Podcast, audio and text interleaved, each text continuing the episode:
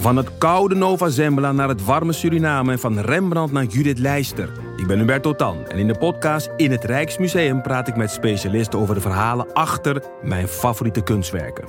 Nieuwsgierig? Beluister nu de nieuwe afleveringen. We leven in een wereld vol problemen. Het milieu gaat kapot. Burgers radicaliseren aan de lopende band. Poetin is een dictator, Biden is dement, Trump is een crimineel. En de tuin van Huberto Tan schijnt een zootje te zijn. Dus dit is het moment voor twee comedians, Vera van Zelm en Sander van op Zeeland, om de wereld te veranderen. Alles moet anders. Alles moet anders.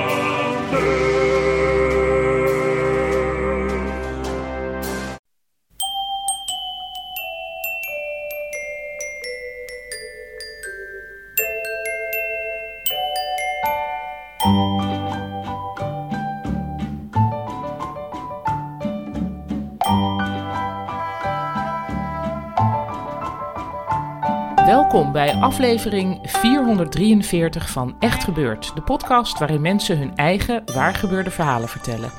Deze week een splinternieuw verhaal dat Pascal Bobbe afgelopen zondag bij ons vertelde tijdens een verhalenmiddag met het thema oorlog.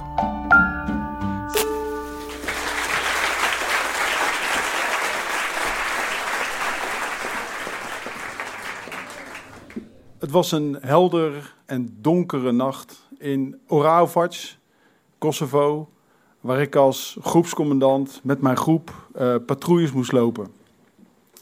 Een half jaar daarvoor was ik net opgeleid tot groepscommandant en heel erg onervaren. En wij waren in Oravovac, Kosovo, omdat daar ook een jaar geleden eh, de Kosovaren de onafhankelijkheid hadden uitgeroepen. En wij moesten daar de Servische minderheid, die daar dus overbleef, uh, beschermen. En op die nacht dat wij patrouille liepen, kwam er een man naar me toe gelopen. En uh, ja, het was min 30, erg koud. En die man die zweette, ontzettend. En die stond aan mijn uniform te trekken. En ik dacht, ja, wat moet hij nou? En hij bleef maar gebaren dat ik met hem mee moest. Ja, dat kon eigenlijk niet, omdat we een opdracht hadden, omdat we patrouille moesten lopen volgens een bepaalde route. En hij gebaarde om met hem mee te gaan. En hij bleef maar trekken en doen. En in het Servo-Kroatisch bleef hij tegen me aanpraten. Ja, dat verstond ik natuurlijk niet. En uiteindelijk maakte ik de beslissing om met hem mee te lopen. En door die kleine, onoverzichtelijke straatjes uh, liepen we met hem mee naar zijn huis.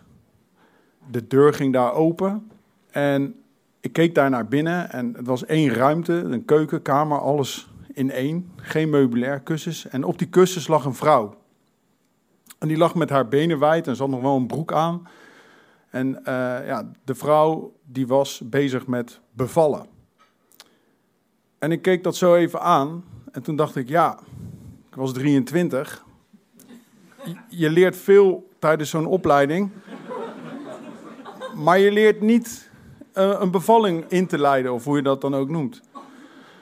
Uh, en ik stond daar dus. En uh, ja, die man die begon ook nog maar ja, die, de, ja, eigenlijk te praten tegen mij. En ik, ja, ik moest wat gaan doen, dus ik maakte melding naar, het, naar, naar mijn hogere commandant. Die zaten tien kilometer verderop op het kamp. Ja, het was winter, slecht. nou, we kunnen niks voor je doen, regelt zelf. Maar ga maar naar het ziekenhuis. Een klein ziekenhuisje in het dorpje. En uh, nou, we kregen een, een jeep, een kleine MB, zoals ze dat dan noemen. En uh, ja, we laden die man en die vrouw laden we in en we rijden naar het ziekenhuis. Zo goed en zo kwaad als dat kon op de onverharde weg. Verplaatsen we ons richting dat ziekenhuis en we komen aan bij het ziekenhuis. En we stappen uit. En die vrouw had onderweg natuurlijk, wat achteraf bleken dat weeën te zijn. En die werden steeds intenser en we staan daar voor de deur.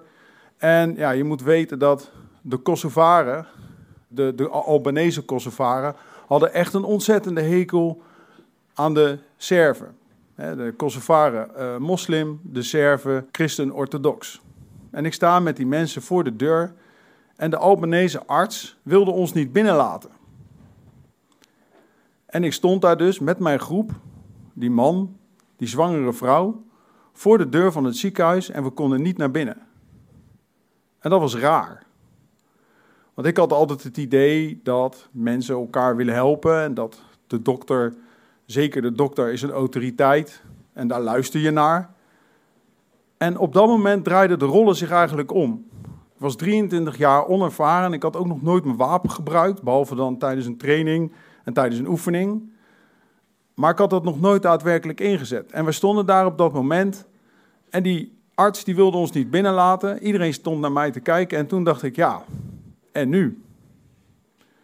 En ik had altijd het wapen achter op de rug, want dat hoefde je eigenlijk nooit te gebruiken. Maar op dat moment dacht ik, ja, nu moet ik het dan toch echt gaan inzetten. En wat heb ik gedaan? Ik heb het wapen van achter mijn, uh, op, wat altijd op de rug ging, heb ik naar voren gehaald. En ik heb mijn, mijn vinger, ja, dan niet aan de trekker, maar dan zo aan de zijkant. En ik heb eigenlijk het wapen voor mijn borst gehouden en ik begon daarmee te dreigen. En dat was eigenlijk heel erg onnatuurlijk. Want uiteindelijk sta je dus, ja, het is al een bepaalde vorm van geweld aan te wenden om ervoor te zorgen dat iemand anders, iemand anders die aan het bevallen is, dat die hulp gaat krijgen. Wat we eigenlijk vanzelfsprekend vinden. Nou, en toen liet de arts wel de deur open en toen konden we naar binnen.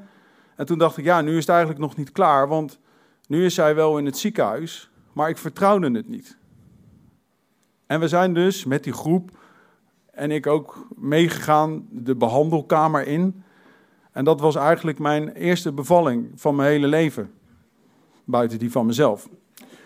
En uiteindelijk, de situatie was zo onveilig dat het kind werd, een jongetje, gelukkig gezond eh, ter wereld gebracht. En uiteindelijk werd het kind ingebakerd en moesten we weer naar buiten. En uiteindelijk hebben we de man en de vrouw uh, weer met de MB, de jeep, ingeladen. En zijn we teruggereden naar dat huisje. En onderweg, toen ik daar in die MB zat en een beetje begon na te denken over wat was er nu eigenlijk allemaal gebeurd, realiseerde ik me dus dat in dat moment mijn uh, naïviteit en onbevangenheid en het idee dat wij als mensen elkaar altijd wel willen helpen en dat we altijd wel het beste met elkaar voor hebben, dat had eigenlijk een deuk opgelopen. En tot op de dag van vandaag, en het rare toeval wil is dat het op de dag, exact 24 jaar geleden is, 21 januari 2000, uh, ja, dat ik dus tot op de dag van vandaag altijd nog wel een beetje in het contact wat ik dus met mensen heb, altijd nog wel de terughoudendheid heb over van ja, heeft dan iedereen altijd wel het beste met elkaar voor? En dat is dus wel jammer, want ik ben dus uiteindelijk eigenlijk best wel heel erg volwassen geworden, maar ik heb daar ook wel wat voor moeten achterlaten.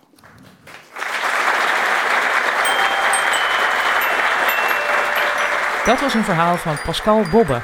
Pascal werkt bij het Nederlands Veteraneninstituut als coördinator van het team Educatie. Jullie weten toch zeker wel dat we met Echt Gebeurd naar Carré gaan, hè? Dat is op woensdag 15 mei en de kaartverkoop gaat snel, maar er zijn op dit moment nog kaarten. En dan zijn er ook nog onze reguliere edities in Comedy Club Toemler. Op 18 februari hebben we een verhalenmiddag met het thema Heimelijke Liefde.